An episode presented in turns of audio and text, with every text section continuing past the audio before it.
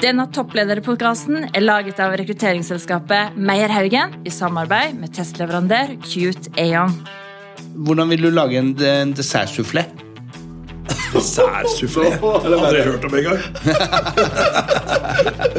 Men altså, en sufflé det er jo noe man setter i ovnen. Man steker det jo. Ikke sant? Og du må bare passe på at du ikke steker for mye, og ikke for litt, for da faller den sammen. Politikersvar.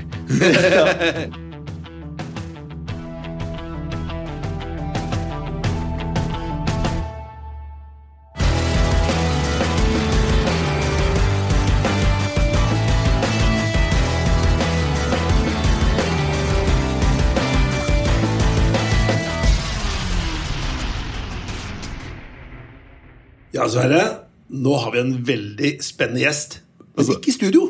Nei, vi, og vi, Det er jo egentlig vi som er gjester i dag. Er, for vi sitter til og med på bord 18 Vi sitter på bord 18. og Tordenskiolds baderom. Ja. Ja. Og foran oss så har vi en jeg vil si en veldig profilert person som mange har hørt om. Ja, Lest, lest bøker av, kanskje. Er det lov å si Norges beste kokk? Det, det, det tror jeg kanskje. Men velkommen til deg, Ben Stiansen. Tusen takk. Og eh, Vi har jo disse topplederpodkastene våre, og da skal man jo da si tittelen. Nå er det mye med CEO eller chief eh, et eller annet, eller, Eller daglig leder eller eller direktør. sentralbanksjef, eller- eller ja, forsvarsminister og sånt. Men du er sjef.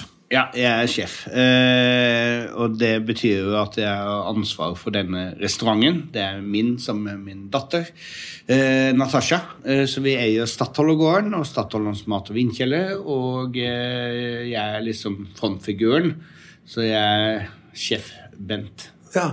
Men hva er Er det sjef eh, er, Legger du litt noe personlig i det, eller er det på en måte den, den tittelen som eh, folk som er sjefen og eiere og drifter altså for Det er jo ganske mange hatter du har på da. Du har både du økonomiske ansvar, du leder kokketeamet, du passer på at alt går rundt. altså det, Du eier det. Det er ganske mange hatter du har på. Det er mange hatter jeg har på, det er veldig viktig å huske som leder. Eh, men eh, den eh, sjef den innfatter alt sammen. Eller restauratør på godt, godt norsk. Ja. Men sjef er litt kulere, da. Men, men, men sjef er jo, hvis du tenker språkmessig, veldig nært sjef. Som det norske ordet sjef. Ser du på deg som en kokk eller en leder? Primært. Nei, eh, eh, altså for bunn og grunn så er jeg jo kokk, eh, men vi har veldig flat struktur, så alle vet at jeg er sjefen, men ingen bryr seg om det. Er det noe du tror, eller er det, sier det til Nei, jeg vet det.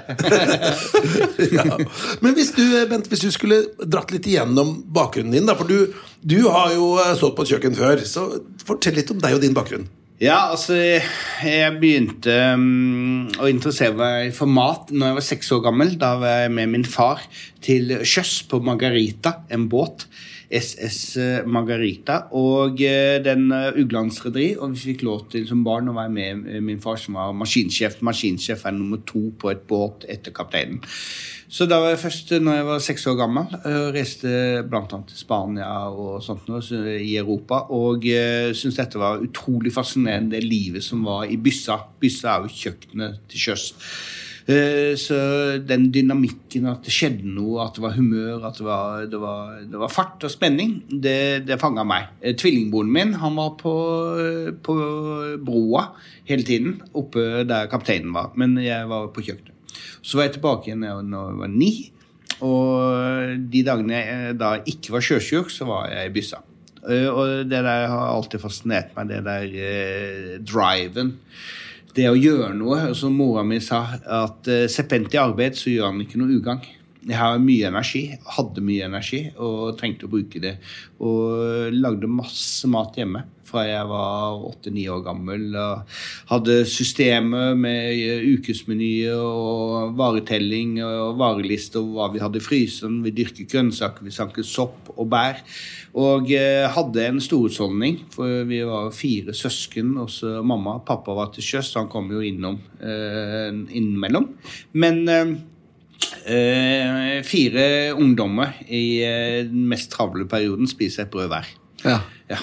Så, så dette var så når jeg kom på kokkeskolen i, i Arendal, eh, så, mm, eh, så var jeg egentlig ferdig utdanna kjøkkensjef. ja. Nettopp. Og det sto litt i stjernen at du skulle jobbe med mat. da Ja, det jeg gjorde det. Men eh, eh, det var ikke så veldig mange som syntes at jeg egentlig skulle gjøre det. For jeg levde eller, oppvoksen var- i en normal middelklassefamilie eh, i, eh, i Arendal og i, eller, i Arendal. Eh, og mine brødre er akademikere, og min mor hadde da en, en drøm om å selv bli akademiker, som hun aldri ble, for hun ble jo firebarnsmor istedenfor. Men var veldig organisert menneske og dyktig med tall og dyktig med systemer. Og det arvet jeg fra henne, og det var flott. Men eh, vi må jo spørre, da, fordi vi, vi pleier å stille spørsmål til de vi har i denne podkasten her. Og passende nok så sier vi da La oss si at vi hadde dumpa ned ved et middagsbord sammen. Og så hadde vi kommet ved siden av deg og begynt å snakke om en eller annen gitt tematikk. Men det er ikke lov å snakke om jobb. Hva skulle vi valgt å snakke om med deg for at du virkelig hadde fått vann på mølla? Ja, altså, jeg er jo golferdiktet. Det er golf? Jeg, ja. Jeg er jo ikke noe spesielt dyktig til å spille golf, men jeg har nå gjemt jevnt eh, 24 handikap og har stor glede av å slå på hvite baller. Og så har jeg drevet og tenkt på hvorfor liker jeg å spille golf. Ja, det lurte jeg på. Ja. Eh, For det er jo en idiotsport, egentlig. Du slår på noen hvite baller bare som går fremover og så inn i Ja, et det er like teit som fotball, spør du meg. ja, men det er det at eh, jeg er i bevegelse. Jeg Ja. får mosjon. Det er viktig for meg. Eh, Jeg gjør noe annet enn å være på restauranten, og det er også veldig viktig ikke være på jobb 12-15 timer i døgnet. Og så får jeg en utfordring hvert hundrede meter. Ja. Så jeg får sånn fra 90 til 100 utfordringer i løpet av fire timer, og det er spennende. Ja. Det er alt, ballen ligger alltid på et nytt sted. Og må ta noen valg mellom hva slags kølle man skal bruke, og det er vind eller sidevind, eller det er grus, eller det er det ene med det andre. Og det er Jeg løser et problem da stort sett hvert andre, ja, andre minutt. det, Kjempegøy. Ja. Og så får du belønning. For i golf så er det jo sånn at eh, plutselig kan du slå et slag som Tiger Woods er misunnelig på. Ja. Som liksom sier Wow, hvor kom dette fra? Eh, hvor, altså, dette ser vi bare på TV. Ja. Og det kan alle klare i golf. Alle kan få hole in one. Det er ingen som kan løpe fortere enn Usain Bolt. Det er liksom helt, ja, Nå har det kommet visst en 17-åring som er like bra eller noe sånt med, Ja. i Amerika. Men ellers så, så kan ved en tilfeldighet folk bare få de stjernetreffene innenfor golf. Og det der er, det er dop. Det er heroin. Det kan du leve på i mange dager. Og jeg har hatt en sånn dag i dag. Jeg har da gått minus to. Altså jeg har gått to slag bedre enn det som var mitt handikap. Slått masse gode slag. Eh, og Jeg har spilt sammen med en eh, som er mye bedre enn meg, og hun var mye dårligere enn meg i dag. Gratulerer, da. Dette var jo- Du har jo masse energi. Du merker Ja, at det er levende det bevis ja. på, levende bevis på vann på mølla. Det var Ja. innertid. Veldig bra. du, vi tenkte vi skulle da prate om eh, litt Før vi går og prater om dette med ledelse, har vi lyst til å sånn, prate om eh, bedriften din. da. Eh, For det er jo det vi prater om disse topplederne. Om, det er, om man er finansminister eller forsvarsminister eller sjef for et pølsemakeri, så er det sånn Dette er jo din bedrift. Eh, Fortell litt om bedriften din. Ja, det kan jeg godt si. Altså, den er jo startet da 1.9.1994. Så det var i det forrige årtusenet. Vi har vel holdt på her snart nå i 27 år. Og den første kvelden så var det en av uh, ute på hjørnet av uh, Rådhusgata, Kirkegata, der Statoil-gården ligger, i et uh, 350 år gammelt hus. Så sto det en av byens løse fugler og var på arbeid. Så går jeg ut en i full uniform og sier at kan ikke du være snill og så gå på hvert fall på den andre siden av gata, for dette er mitt hjørne. Og siden har det vært mitt hjørne. Og jeg har aldri hatt eh, noe problem med noen. Eh, Så, så jeg har drevet butikken min eh, sammen, først sammen med min forhenværende kone Anette, som dessverre gikk bort for elleve år siden. Og nå sammen med datteren min, som gjør alt det jeg ikke gidder å gjøre. Ja. Hva er det, da? Alt papirarbeid og Facebook og digitale, merkelige ting som skal ordnes med og sånt. Det var mye lettere før. Ja. Og i faksens tidsalder. Jeg er liksom stor tilhenger av faks og svart-hvitt-TV. Ja. Så, så du er en, eh, jeg har en kone da, som eh, titulerer seg selv som teknologipessimist. Er du sånn, eh, er du, liker du ny teknologi, eller er, det, er du mer sånn analog type? Jeg er helt klart den analoge. Jeg er papir. Jeg printer ut hver eneste mail jeg får. Nei, ikke alle, men de jeg vil ha. Jeg må ha noe håndfast å ta i. Jeg aksepterer at dette går fra meg. Eh, Den dagen de tok faksen fra meg på kontoret, så sa jeg jeg bestiller aldri en vare mer. Og det har jeg ikke gjort. Og jeg skal gå Om du snakker om entusiasme, vet du hva? Faksens fortreffelighet er bare helt eventyrlig. Nå så må du logge deg inn på en eller annen nettportal med noen passord, drit og lort for å bestille en liter melk. Før så bare skrev du én liter melk på papir, sendte det gjennom faksen, kom inn på meieriet, og de putta én liter melk på en bil og kjørte den hit. Ja. Ja. Hvorfor gjøre ting vanskelig? Altså, det er jo hele, hele fundamentet i Rema 1000 som jeg også hjemme, jobber i. Det Ja. enkle er alltid det beste. Ja. ja, men Der er det mye å lære på mange teknologisystemer. da, Og gjøre Ja. det enklere. Uten tvil.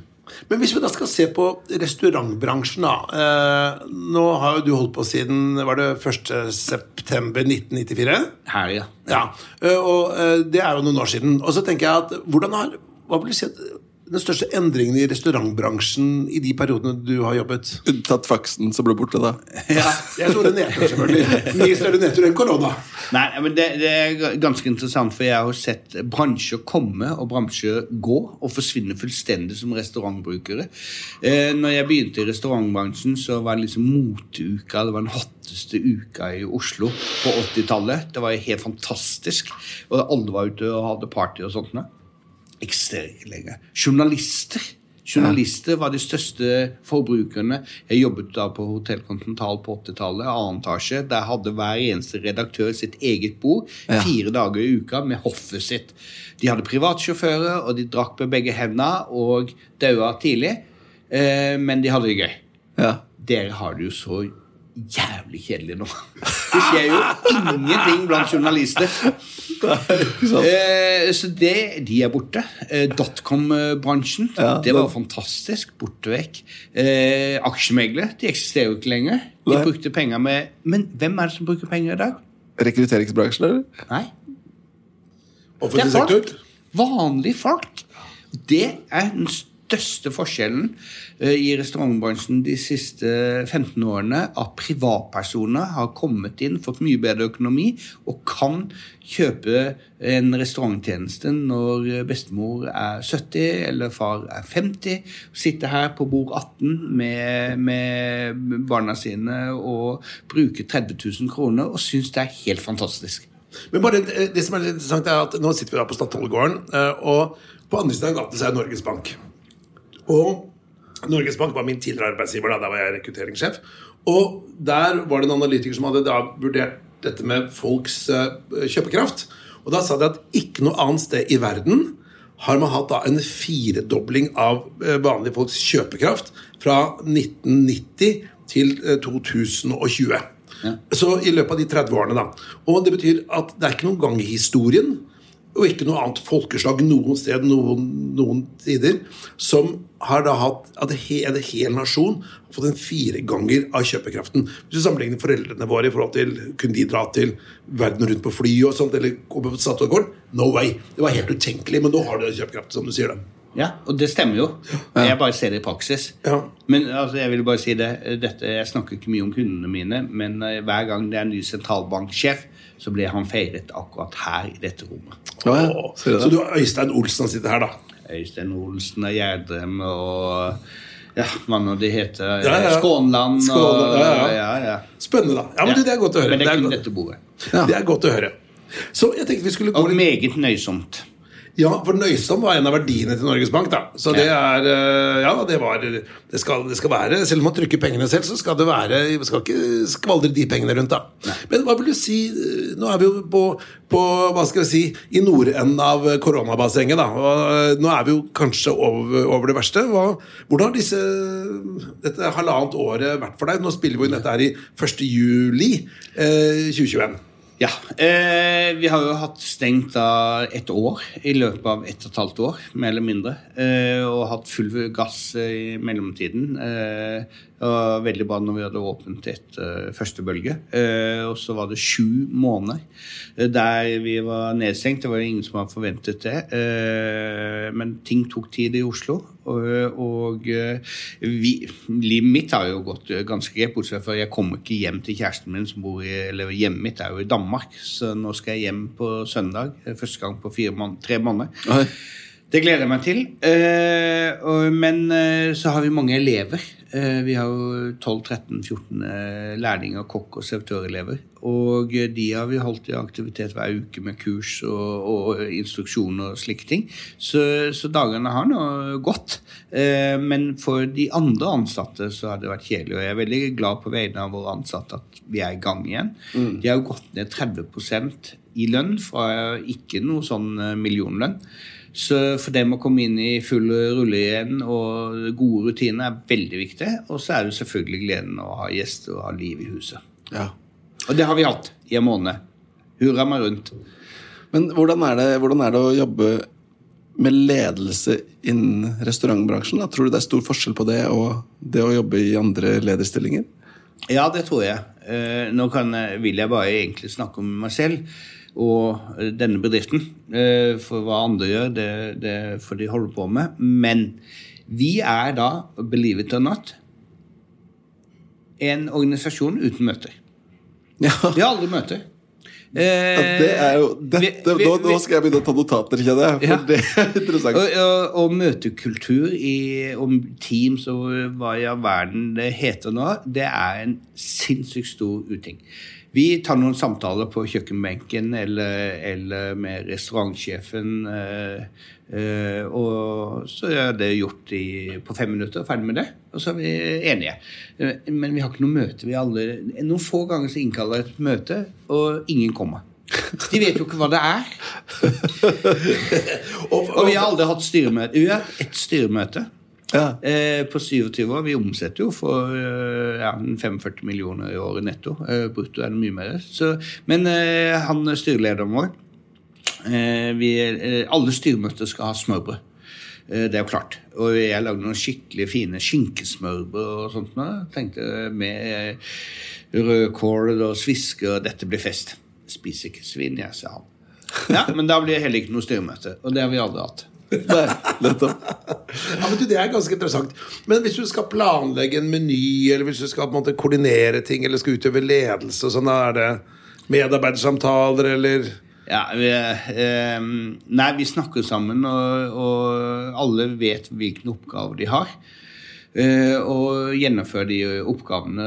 Og, eh, og vi skifter Vi har et verktøy for innovasjon og kontinu, eh, både kontinuitet, innovasjon og utvikling, som er at vi skifter våre, vår mat, våre menyer, hver, ca. hver femte uke. Da kaster vi alle de rettene vi har, og så begynner vi fra scratch med nye retter. Over en grunnmur, selvfølgelig. Men, eh, men eh, det har med årstiden å gjøre, og hva vi har lyst til å lage. Og det utvikler oss ved at vi hele tiden må finne på nye retter eller nye variasjoner på retter som skal glede gjestene våre. Og det er nye viner, det er nye smaker og nye serveringsteknikker som driver oss videre. Så det er liksom et, eh, en, det er bensin i organisasjonen vår som er kjempeviktig. Men et, et interessant spørsmål, da. Fordi det går an å ha en hypotese om at i en organisasjon uten møter, så vil det være noe annet rundt ledelse. Altså for eksempel, Det vi bruker møter til, er jo mye som å diskutere hvordan går vi nå. Så enten så må det jo være veldig tydelig rollebeskrivelse veldig klar forståelse av hva man skal gjøre, eller så må du være en veldig autoritær leder. At du tar avgjørelsene, forteller, og så løper de der de skal. Nei, det har jeg ikke noe tro på. Altså, jeg vil at eh, alle skal være med. Og, og vi hadde det sånn De første årene så gjorde jeg alt og bestemte alt og organiserte og kjøpte inn Og Så ble jeg litt sånn sliten. Og så tenkte jeg nå må vi gjøre noe. Så vi ansatte kjøkkensjef, restaurantsjef, eh, lagde en ny organisasjonsplan, som er den vi har i dag. Som endte med det at folk var veldig glad for å få ansvar. De tok det ansvaret. Eh, og eh, jeg fikk mye mindre å, å gjøre. Jeg har mer kontrollfunksjon og en ut, er med i en utvikling. Og økonomien ble bedre, og resultatene på restaurantanmeldelsen ble bedre. Litt interessant det du sier, for Vi hadde jo en annen topplederpodkast med eh, trener og gift, altså Dag Eile Fagermo. Og han jeg tipper nok, han hadde kanskje litt flere møter enn deg, men han, han likte det som han kalte sånn mikroledelse. da. Det var det Når du er på treningsfeltet eller når de driver og trener, eller noe, så han tar en spiller til sida og bare diskuterer liksom i to minutter, og så er det ferdig. Istedenfor ja. å sette seg ned med sånn svært møte. Ja, det liksom. bare det der, Gå heller dit, gjør heller sånn. Hva tenker du om det? Hvorfor gjorde du det? Altså sånn, men med sånn korte touch. sånn Han skulle ha noen korte touch med hver eneste person hver dag. Bare gi de små nudge Ja, i riktig retning. Altså, Ja. Fagermo sitter jo der på det bordet, bord 14. Ja. Han er jo ute en gang iblant, og det er veldig hyggelig. Og han eh, er jo glad i å snakke om seg selv. ja. Tydelig Men, type. men eh, mikromøter, ja, det har jeg hele tiden. Eh, Ja. Men, men det er mer som en coach. ja, ikke sant? Eh, Det er mer, I går så hadde vi en situasjon som var veldig vanskelig. Eh, Det var, vi hadde glemt på en eller annen måte et åttemannsbord som plutselig står i døra. Veldig viktig eh, for den familien. Ja. De var ikke i bestillinga. Dette må vi løse. Oi. Og det løste vi på en fantastisk måte, og jeg er sikker på at de hadde en flott aften. Men det kom veldig skjevt ut. Det kunne jo fortsatt kjempeskjevt, men det gjorde det ikke. Fordi vi tok ansvar, vi gjorde noe. Vi var spandable, og vi løste det til det ble en minnerik aften for dem. Og det er jeg veldig bra, da. stolt av. Ja. For, for det, det som er interessant er Hvis du har en krise, da så eh, aldri la en god krise gå fra deg, er jo et sånt begrep. da, ikke sant? Og liksom som Churchill sa at eh, i 1940, da, ikke sant, eh, under Blitzen, og så sier at dette er og this is our darkest hour, var det noen som sa da? Nei, nei, this is our finest hour, sier Churchill da. Og du må snu en krise, akkurat som korona, da. Det kunne vært darkest hour for mange bedrifter. Nei, det skal, være, det skal gå inn i historiebøkene som your finest hour, for da stolte du på verdiene dine, du stolte på lederskapet ditt, og du dro det gjennom. Så, ja. Ja, men Apropos det, da. Hvis, vi snakker om liksom lederskap og verdier, har, har du en lederfilosofi? Ja, jeg har det. Og, og, og eh, jeg har de fire F-ene jeg styrer etter. De fire F-ene? Ja, De fire F-ene. De er ikke skrevet i noen lederbok, men jeg Så- burde kanskje skrive en lederbok om dette. Jeg har tenkt å skrive da en bok eh, når jeg er ferdig som restauratør. eh, Alt jeg ikke lærte som restauratør. Blant annet å slå på kassa. Det kan jeg ikke. Jeg trodde et øyeblikk du skulle si de seks P-ene. Altså eh, Proper planning prevents piss poor performance. Nei, men de fire F-ene er Og nå er jeg litt usikker på om hvem som har førsteplass. For før så var det alltid gjesten som var første. Fornøyde gjester. Fornøyd personale. Men de er omtrent like. Så er det fornuftig økonomi. Og så er det kunsten å gi kontrollert faen. Ja, den er fin. Ja, Den er nydelig. Så, men igjen, fornøyde gjester og fornøyde folk. For det er alltid en sånn, i hvert fall en sånn diskusjon i mange managementkretser. er at er det, er det kunden, da, er det gjesten, som er den viktigste, eller er det folka dine som er den viktigste? Ja, nå sidestiller jeg de. Hva sa du? Jeg sidestiller Ja, du sidestiller det, ja. Men, men ikke sant, for det er noen som sa at så lenge du har fornøyde kunder, så er det tippen toppen. da. Men hva, hva tenker du hvis du måtte velge? Selv, du sier at du skal sidestille de, men hvis du måtte velge likevel, er du, har du veldig kundefokus eller veldig personalfokus? Nei, jeg er veldig personalfokus. Fordi at det er de som scorer mål. Det er Ja. de som leverer produktet. Og, og de har en hardware rundt seg, men det er softwaren som gjør at styrken til Statoil lever. Det er softwaren, menneskene, som har skapt dette stedet, og som har gjort at det har vært en suksess i 27 år. Uten menneskene ingenting. Men eh, jeg likte jo, jeg synes den var veldig interessant den siste F-en din. da Kunsten å gi hva du kalte det, kontrollert faen. Ja. Og det er det veldig viktig, for du må liksom slippe taket. Og så må du se de enorme energiene andre kan skape i organisasjonen, og ikke Ja. bare dine egne snevre tanker. Hvis jeg skulle skrive alle menyene her på huset, hvilket jeg ikke gjør, så hadde det blitt dritkjedelig mat. For jeg har jo bare min snevre, men sammen kan vi skandere. Ja, men hvis vi gjør det litt sånn, så kommer den andre med det og det og det, og så blir det et fargesprakende eh, meny, for eksempel, da, eller, eller spennende viner, eller ja. Så det at vi sammen gjør hverandre gode, det høres jo som han er Nils Arne Eggen, men det er mye bra i det. Ja. Men um, hva skal jeg si eh, Hvis vi skulle gått over til dette med topplederskap da, Du er jo topplederen her. Ja. Uh, du er sjef. Uh, men hva vil du si Eller har du alltid vært Eller hva skal jeg si Kunne du nå f.eks. gått tilbake til å vært en mellomleder, at noen var en sjef over deg, eller er det toget gått? Eh, det er godt. Eh, fordi at eh, jeg er egentlig i bunn og grunn ganske lat. Jeg syns det å spille seks timer golf er helt fantastisk. Jeg syns det er fantastisk å gå på arbeidet uten å ha noen faste oppgaver, bortsett fra kontrolløren, inspiratoren, eh, limet eller Du kommer hit og skinner og, og Jeg, jeg, jeg er litt sånn Leonel Messi eller Ronaldo som får masse fantastiske lissepasninger, og så scorer jeg mål, for jeg er der. Og så får jeg masse flotte selfies og skryt. Men det er jo teamet som gjør dette mulig. Eh, Så Messi er ingenting uten eh, ni eller ti andre fotballspillere. og Så spennende, da. Så, men hva vil du si er den største forskjellen mellom å være toppleder og det å være mellomleder? da? Eh, topplederen eh, eh, Nummer én så er det litt ensomt på toppen. Fordi at man sitter med bekymringene og gledene selv. Med mest bekymringer. Og jeg sier at en arbeidsgiver han sitter bare med ett kort hele tiden. Og det er Sorte-Per. Ja. Uansett så sitter du med Sorte-Per. Eh, noen er syke, ja, må løse det. Noen har fått covid, ja, du må løse det. Eh, hus og hotell brenner, ja, du må løse det. Eh, så du sitter med sorteper hele tiden. Eh, og eh, mellomleder er de kan ha veldig fokus på sin egen avdeling, og den er hellig for dem. Mens jeg er nødt til å se totalheten, paraplyen, være på toppen av spissen av paraplyen og se hva er det beste for bedriften akkurat nå. Er det beste at vi kjøper nye stoler for gjestene klager på stolene, eller en ny kombidamper som egentlig ikke er nødvendig? Så du må ta de riktige valgene eh, etter hva bedriften Hvor er det viktig å sette inn støtet? Men har du en, har du en ledergruppe? Ja, altså vi har jo ingen møte, så det er jo ingen som dukker opp på disse ledergruppene. Nei, nei, men det kan jo være en struktur. Ja, men vi har en struktur, det er helt klart. Vi har en struktur som er da eh, øverste leder for alle servitører og sånn, restaurantsjef, og samme er for kjøkkensjef. Så er jeg to kjøkkensjefer, en på på Statoilgården som egentlig er sjefen for alle, som er direkte under meg, og så er det en eh, kjøkkensjef nede i mat- og vindkjelleren, Nina, som eh, Men eh, vi er ikke så nøye på det. Vi, er, vi gjør én jobb, vi. Ferdig med det. Please gjesten. Ja. Men hvis du da skulle eh, tenkt litt på dette her med Et Et sånt klassisk spørsmål innen, innen lederskap er eh, Kunne du vært leder for noe annet enn en fine dining-restaurant? Ja, altså jeg kunne I mitt, men, i mitt neste liv så har jeg sagt at jeg skal være Rema 1000-kjøpmann. Ja. Det kunne jeg funka veldig bra som. For jeg elsker å stable varer og syns det er kjempegøy når ting står på rekke og rad. Og det er orden i butikken og glade gjester. Men da må det være litt kremmer, da. Kremmer er jeg, Ja. eh, men ikke sånn.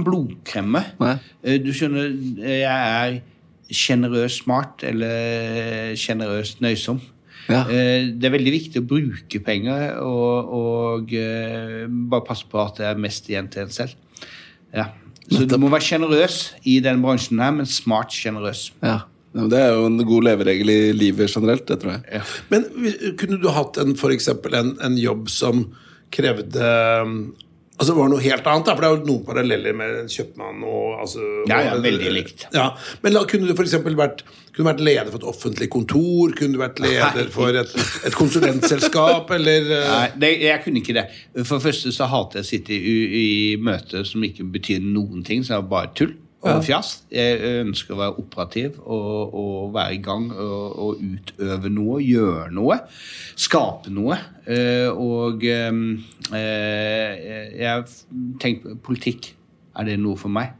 Nei, det er så mye baksnakkelse og rankespill og, og folk som skal bare holde sin egen rygg fri.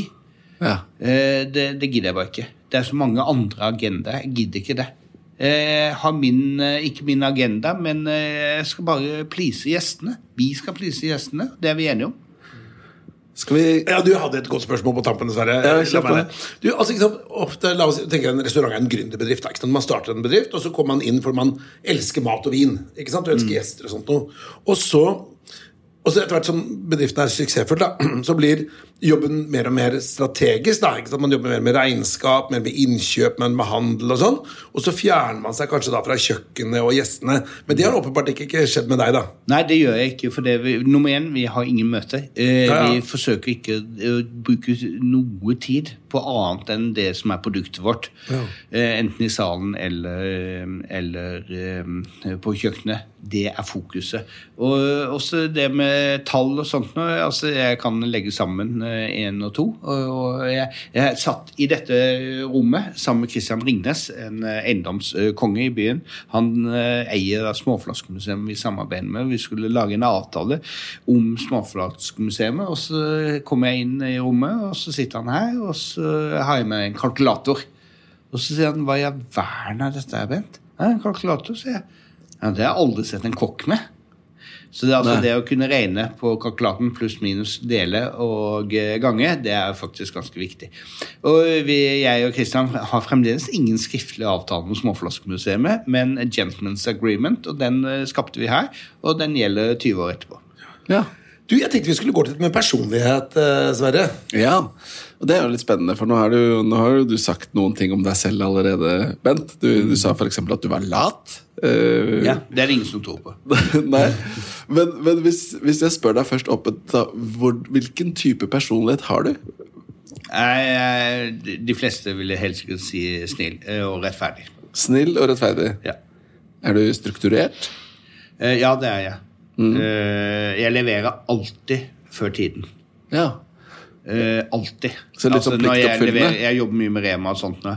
og jeg leverer, og aldri på etterskudd. Nei.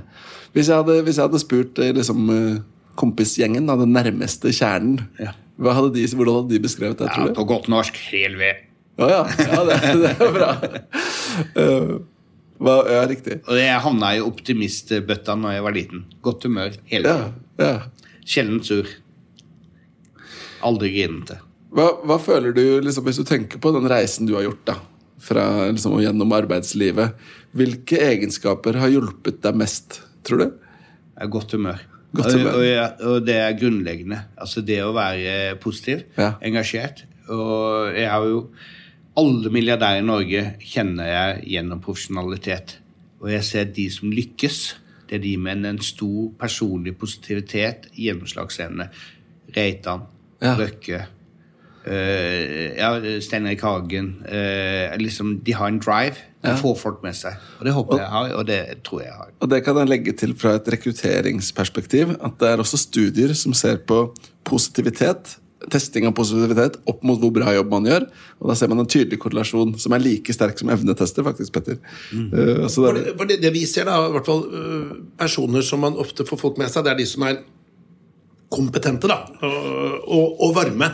Det er liksom den, den kombinasjonen som er en sånn killer combo. Innen rekrutteringen er du kompetent og varm, så, så vil du få folk med deg, da. Men jeg tenker sånn, det handler med personlighet, altså den, den klassiske Kanskje ikke akkurat fordommene, men litt sånn stereotype sjefen, da.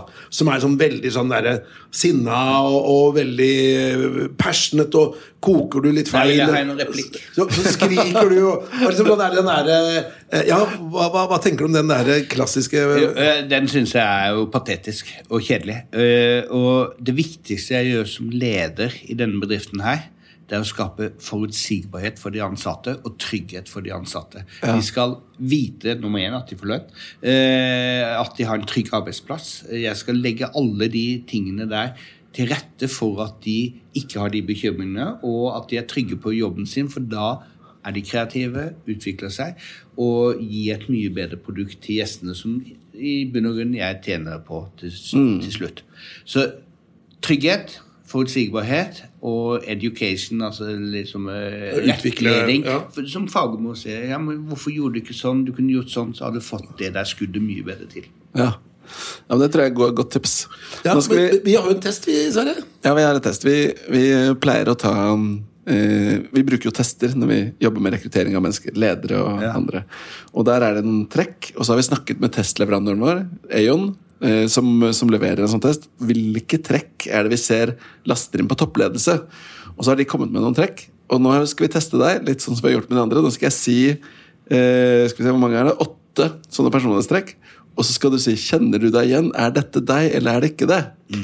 Og da er jeg spent, fordi du er jo en annen type leder fra en annen type bransje enn mange av de vi har hatt inne før. Ja. Er du klar? Ja. Er du overbevisende? ja. Ja. Er du hensynsfull? Absolutt. Absolutt. Er du resultatfokusert? Eh, ja. Ja. Er du besluttsom? Ja. Ja. Er du teoretisk? Nei. Nei. Er du optimistisk? Det har du allerede oh, ja. svart på. Og så kommer det det interessante. Er du behersket? Ja. Ja. Er du entusiastisk? Ja, det vil jeg påstå. Ja. Innenfor golf, iallfall. Innenfor golf, i hvert fall. Ja, fordi, men for det morsomme er jo da at uh, nå har vi som, som vi har nevnt, snakket med mange ledere fra ulike typer bransjer, og det er jo veldig mange som kjenner seg igjen i disse. Uh, og de som oftest liksom noen sier tja, vet ikke, det må tenke seg om på, det er uh, hensynsfull. Er det ofte de tenker seg litt om før, dessverre. Og så er det teoretisk er det flere som sier nei på, sånn som du også gjorde. Også på den behersket er det også noen som, ganske mange som må kjenne etter. da, Er jeg behersket, er jeg ikke? Men i ditt tilfelle, da, når du svarer ja på behersket, hva tenker du på da? Eh, nei, altså igjen eh, Jeg skjeller aldri ut folk. Aldri. Jeg tar de inn hit eh, og snakker med de, og så sier jeg liksom vi må, vi må være, gå ut av dette rommet og være enige om at dette var feil. Eh, og så tar vi det, og så er vi ferdig med det. Eh, og jeg, så jeg, jeg er ikke sånn Chef Ramsay eller noe sånt, noe hyler og skriker og sånn. Det, det tror jeg ikke noe på, for jeg tror på det grunnleggende å skape trygghet for de ansatte. Og at det er rom for å gjøre feil. Det gjør vi hele tiden, men hvordan vi takler feilene våre, er viktig. Ja, Så ja, eh, sånn er det bare. Så bra. Et spørsmål. Eh, Og jeg vet kanskje jeg beveger meg ut i et minnefelt nå, men Det vil ikke være første gangen. i så fall. Nei, det, jeg er godt kjent i dette minnefeltet. Altså, eh, Hvis man da ser sånn verdens, eh, på verdensbasis, så, så er eh, Hjemme så er det veldig mange kvinner som lager mat. Da. Altså, det er kanskje flere kvinner enn menn som lager mat. Men når det gjelder sånne toppkokker, da, eller chefs, så er det jo på en måte sånn mest menn. Hvorfor er det sånn, tror du? Eh, ja, eh, nummer én skal man dra til Italia, der du spiser best, spiser hos kvinnene. Eh, men eh, det har jo Det har med familiesituasjoner å gjøre. At kvinner velger ofte andre karrieremulighetene når barn kommer til stede, enn det menn gjør. Og det er mye testosteron i restaurantbransjen, og det er adrenalin-junkies. Og de, de, eh, det er mye personligheter som tiltrekker seg mer menn enn eh, kvinner. Men altså, vi har jo 50-50 mer eller mindre gutter og jenter på kjøkkenet. eh, Og, og det er ikke noe issue for oss i det hele tatt. Kjøkkensjef nede som er jente, sursjef nede som er jente. Så, så det er viktig å ha en blanding, som alt annet i livet. Men, men det, er jo litt sånn det er, det er en tøff business, og det er en tøff business når du har små barn. Fordi at, eh, at det er en del kveldsjobb. Ja. Ja. Nå har vi noen, eh, nå har vi noen tre kjappe, Sverre. Det har vi. Tre kjappe. Vi, vi hender jo, hvis ikke vi blir så utrolig blown away av å være i så stans, staselige lokaler, så husker vi å introdusere de tre kjappe i starten. Det gjorde vi ikke nå. Det vil si at du får det litt nå på sparket. Så nå, og så har jeg faktisk en liten sånn ekstra oppgave til deg etterpå. Eh, Men først, de tre kjappe. Så har vi da to spørsmål som vi har plukka ut, og så har vi ett spørsmål som er sendt videre fra en annen toppleder, som du skal få svare på på vegne av han. Eh, Og det første spørsmålet vi har, det er hva mener du er den største Hva er den største tabben du har gjort som toppleder, eller som leder, og hva lærte du av det? Tabbe Nei, det vet jeg ikke. Nei, Jeg føler ikke at jeg har gjort noen tabber Nei. som jeg vet sånn spesielt om. Hva, hva tenker du er liksom de klassiske tingene, hvis du ser på ledere rundt deg, eller andre i din bransje, eller de, klassiske feilene som man bør sikte utenom? Nei, men Du må alltid vurdere i øyeblikket og det du tar det, det, jeg, har alltid, vet du, altså, jeg har alltid måttet ta mye ansvar. Alltid tatt ansvar. Det var en del av oppdragelsen. Plikten min. Så jeg føler ikke at jeg har gjort noen tabber. Sånne store Nei. tabber. Nei, det, det, nei, jeg skyldig. Er svaret, men det er helt ok. Um, det neste spørsmålet jeg har lyst til å stille, og det er jo litt, eh, litt annen type spørsmål. Men det er Hvis Jo, hvis du, du tabber. Ja. Nå skal jeg si det. Ja. Eh, Vi har jo mat- og vinkjelleren nede, som Ja. hadde lunsj. Fantastisk når Anette levde. Og så tenkte vi uterestaurant i Kirkegaten. Fantastisk. Vi kjøpte inn møbler og målte sola i januar måned. Sendte søknad til kommunen, og alt var i orden. Og betalte penger, dyre penger for dette. Og opp 1. mai, og da kom sola klokka tre. Der. Ja. Og det var jo etter lunsjen. Det Ja. er altså tabbe å kjøpe dyre møbler og betale kommunen masse penger for en uterestaurant du ikke kunne bruke for det var ikke sol der. Nei, det er litt kjedelig, da. Det skjønner jeg. Jeg Verre enn det var det ikke. Jeg solgte møblene dagen etterpå. Ja, Så det ble bare et 24 timers eh, konsept? Eh, 36. ja, men det er, Når du ser noe ikke fungerer, så må du bare ta en avgjørelse. Ja, det er, det er en klassisk. Ja, og det er noe med å først agere kjapt, da. Ja. Um, det neste spørsmålet det er jo da litt tilpasset eh, bransjen du kommer fra. og da Er jeg først nysgjerrig på, er du fremdeles på kjøkkenet av personlig nysgjerrighet? Ja. Lager du også mat her, liksom? Eh, ja og nei, men ikke så mye. Mest i jula når vi virkelig har bruk for hendene mine. Men jeg er veldig opptatt av at når Michelin-guiden er, eksempel, så er det ikke jeg som lager mat, men de som lager mat til vanlig, som faktisk gjør jobben mye mer kontrollert og bedre enn meg. Min oppgave på Statoil-gården er at jeg har på meg kokketklær.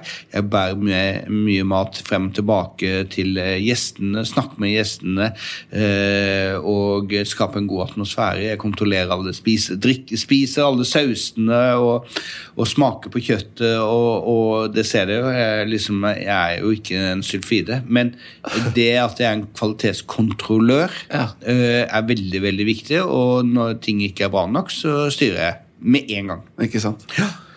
Um, uh, for det jeg skulle spørre om, det var hvis du skulle gi tips til lytterne våre da, på en type matopplevelse du kan anbefale.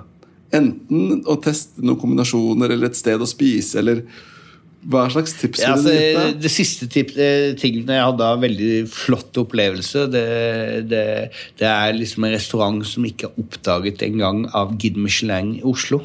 Oi. Som er jo en hottis blant eh, kokker og restauratører, og det er Le Benjamin. Benjamin eh, Ja, på, på Grünerløkka. Ja, fantastisk. Fantastisk. Ove Magdalena, og, det, og det, jeg var der og feiret bursdagen min nå for ti dager siden, på en søndag kveld. Det var jo som en bransjefest. vet du. Det var jo bare, Nå hadde restauratøren hatt 14 dager med omsetning, og hva gjør de? Jo, de bruker alle pengene på Benjamin. og de har jo oppkalt den etter sønnen sin. Ja. Og du- Benjamin eh, går der da han er ti år gammel nå. 'Hei, Bent, skal du ha champagne?' Og du kan ikke si nei. Men du, har ikke du snakket om eh, Ja, jeg har vært der mange ganger. Jeg elsker det. Det er jo fransk kusin, men litt sånn enkle fransk kusin. Men det smaker godt. Ja, fantastisk. Og så stemningen, Ja, og- et lite sted helt nede på Grünerløkka. Og ja, jeg har vært der sikkert 30, ikke 30, men i hvert fall 20 ganger. har jeg vært der. Ja, ja. Og de leverer alltid. Fantastisk. Fantastisk.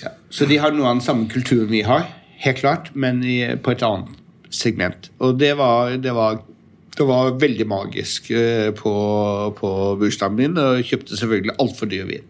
Uanstendig dyr eh, på Men, du, men da, må- da, da, må vi, da må vi spørre deg. Hvis du kunne valgt, ville du hatt fransk hvitvin eller tysk hvitvin? Ah, det er ikke tvil. Oh, ja, hva da Monarché går til alt. Ja. Så, så du er gladere i fransk hvitvin enn Riesling? Ja, ja, langt. Altså, det, Riesling går ikke, når ikke andre engang. Grunnen, grunnen til at Petter finner glede i dette, er at vi har en liten sånn hobby-sideprosjekt hvor vi har en vinpodkast. Og der er det en greie da, for Petter hater Riesling, og jeg er veldig glad i Riesling. Men det er vel Stikk. Nei, Riesling er helt greit for amatører. Men for amatører, profesjonelle og, eh, og eh, Altså, en amatør på fransk betyr jo en kjenner. Ja. altså, og hvis det er amatør baklengs, det er Riesling. Ja. Det er men jeg, jeg føler plutselig at uh, Jeg var ikke like velkommen her lenger, men det er greit. Det, Bent, vi har et spørsmål til til deg, og det er, det er sendt videre fra Erik Fjellvær Hagen, som jobber i Viking Venture, som leder i Viking Venture. Så han leder et ventureselskap. Ja. Det er sånn som kjøper og selger aksjer. Ja, De kjøper og selger selskaper og Ja. bygger de opp videre, og så selger de igjen. Ehm, og det han lurer på, det er når man har en ledergruppe, da. Uh, og da må du jo sette deg inn i det, for kanskje ikke liksom problemstillingen er like relevant i din setting. Nei. Hvordan kan man sørge for å klare uh, at ledergruppa ikke bare blir operative, men klarer å tenke de lange tankene, de strategiske tankene, i tillegg. Retningen. Jeg tror ikke noe på det. Jeg tror det å gjøre en god jobb i øyeblikket dreier seg For det ting vi har sett de siste tiårene, er at alt forandrer seg så sinnssykt fort. Og Ja. det som er viktig, det er jo det at man er løsningsorientert og forandringsorientert. Og vi vet Vi visste ikke at korona kom. Nei, det er sant. Eh, Og hva eh, Skal jeg bare fortelle litt om det? Eh, Jeg hadde Jeg har nese for et eller annet. Så for seks-syv år I siden hvert fall nese for god vin, det kan vi slå fast. ja. Men for seks-syv år siden så tenkte jeg hm, vi må utvikle Statoil-gården. Vi må ta en fullstendig remake av restauranten, interiør, nye kjøkken, nye lager. Alt er tip shape og nylaget på Statoil-gården. Vi har investert kanskje 10 millioner kroner. I tilfelle det kommer en regnværsdag. Vi har betalt alt cash. Ferdig. Låner, jeg har ikke fem øre i lån. Kjempegammeldagse. Det driter jeg i. Så kommer korona. Og vi, er, og vi har kjelleren full av vin, som vi har betalt kontant. Så det første jeg sier eh, når vi får åpne igjen, vi selger oss ned i vin. Vi realiserer en del av den vinen for å få ut cash. Og, eh, og det var vellykket. Vi fikk solgt ut eh, for ja, 30% av vinen vår, så vi, eh, vi fikk frem en million kroner. Og så kom en ny bølge med korona. Og vi, ta, vi må betale da lønninger på en million kroner som vi taper. cash. til Altså, det går rett ut. Og ved at vi har hatt den grunnleggende tanken at vi skal være top shape, slik at vi ikke behøver å gjøre noe for fem-ti år i fremtiden. Vi har betalt alt sammen. En langsiktig strategi, men også en strategi som handler om i dag, for vi må se hva som er slitent i dag, før gjestene ser det. Ja. Eh, men vi visste jo ikke at eh, korona skulle komme, men eh, jeg følte at et eller annet skjer. Jeg f eh, føler at et eller annet kommer til å skje i aksjemarkedet i løpet av et år, eller noe sånt, og da skal jeg være i krokodillen som skal kjøpe billige aksjer. Ja, nettopp. Bra. Men uh, vi har også lyst til å gi deg muligheten til å sende et spørsmål videre til neste toppleder. Du vet ikke hvem det er, men et spørsmål som du gjerne vil høre en annen toppleder reflektere over. Hva ville du sende videre da? Jeg vet, jeg vet ikke, for jeg er ikke så interessert i dette med toppledere. Jeg synes, eh, eh, altså, eh, jeg, jeg har jo jobbet da tett med Kjell Inge Røkke. Og jeg har jobbet tett med, eller i Reitan og, og truffet disse menneskene. Og de er så fokuserte på øyeblikket og liksom eh, få ting i operativ, kunne faget. Og, og liksom eh, tenke på kunden. Og så hvis man sier Aker, Det er ikke sikkert at de for tre år siden tenkte på at de skulle inn i grønn energi og sånt, fordi at da var det olje, olje og olje. Så det å være løsningsorientert og, og eh, være villig til å, å sluke kameler og være villig til forandring, Ja, det er ja. det viktigste vi gjør, altså. Ja, Være litt opportunis opportunistisk der og da. Ja, ja, men altså sånn, ja, Ok, det er en kamel for deg. Nå er vi ferdig med det. Vi sluker det. Alle dårlige slag i golf må du bare glemme, og så tenke fremover på de nye gode slagene du skal gjøre. Men jeg, jeg har lyst til å Jeg har ikke noe spørsmål. Nei, det går veldig bra, men jeg har lyst til å likevel gi, be deg om noen spørsmål. Fordi nå nevnte jo Petter at vi var og intervjuet hovedtreneren til Vålerenga. Ja. Og da tok han meg litt sånn på senga, og så fikk han da Dag Eilif til å kvisse meg på fotballkunnskap. Så, og det måtte jo jeg ta på sparket. Så Ja. nå har jeg lyst til å sjekke Kan ikke du kvisse Petter tre spørsmål på matkunnskap? For han er egentlig ganske kunnskapsrik. Men om du kan plukke noen spørsmål som du kan utfordre ham på, da, så kan vi se om han klarer å svare på det. Hvor kommer tomahawken fra? En tomahawk steak. Ja. Eh, hvilket dyr, eller hvor på dyret? Ja, vi snakker om at det er okse eller storfe. Ja. Hvor på dyret? Eh, det er jo eh, Det er godt sagt. Det De er, tomahawken ser jo ut som en tomahawk. Det er jo det er en, ribbestykke det er en, ribbe, det er ribbestykke. I hvert fall den, den lange er en ribbe, så er det kanskje ytterfilet, da. Ja, Entrecôten. Ja. Ja. For det er ganske, det er ganske, er marmorert eh, kjøtt. Så det, Ja. ja.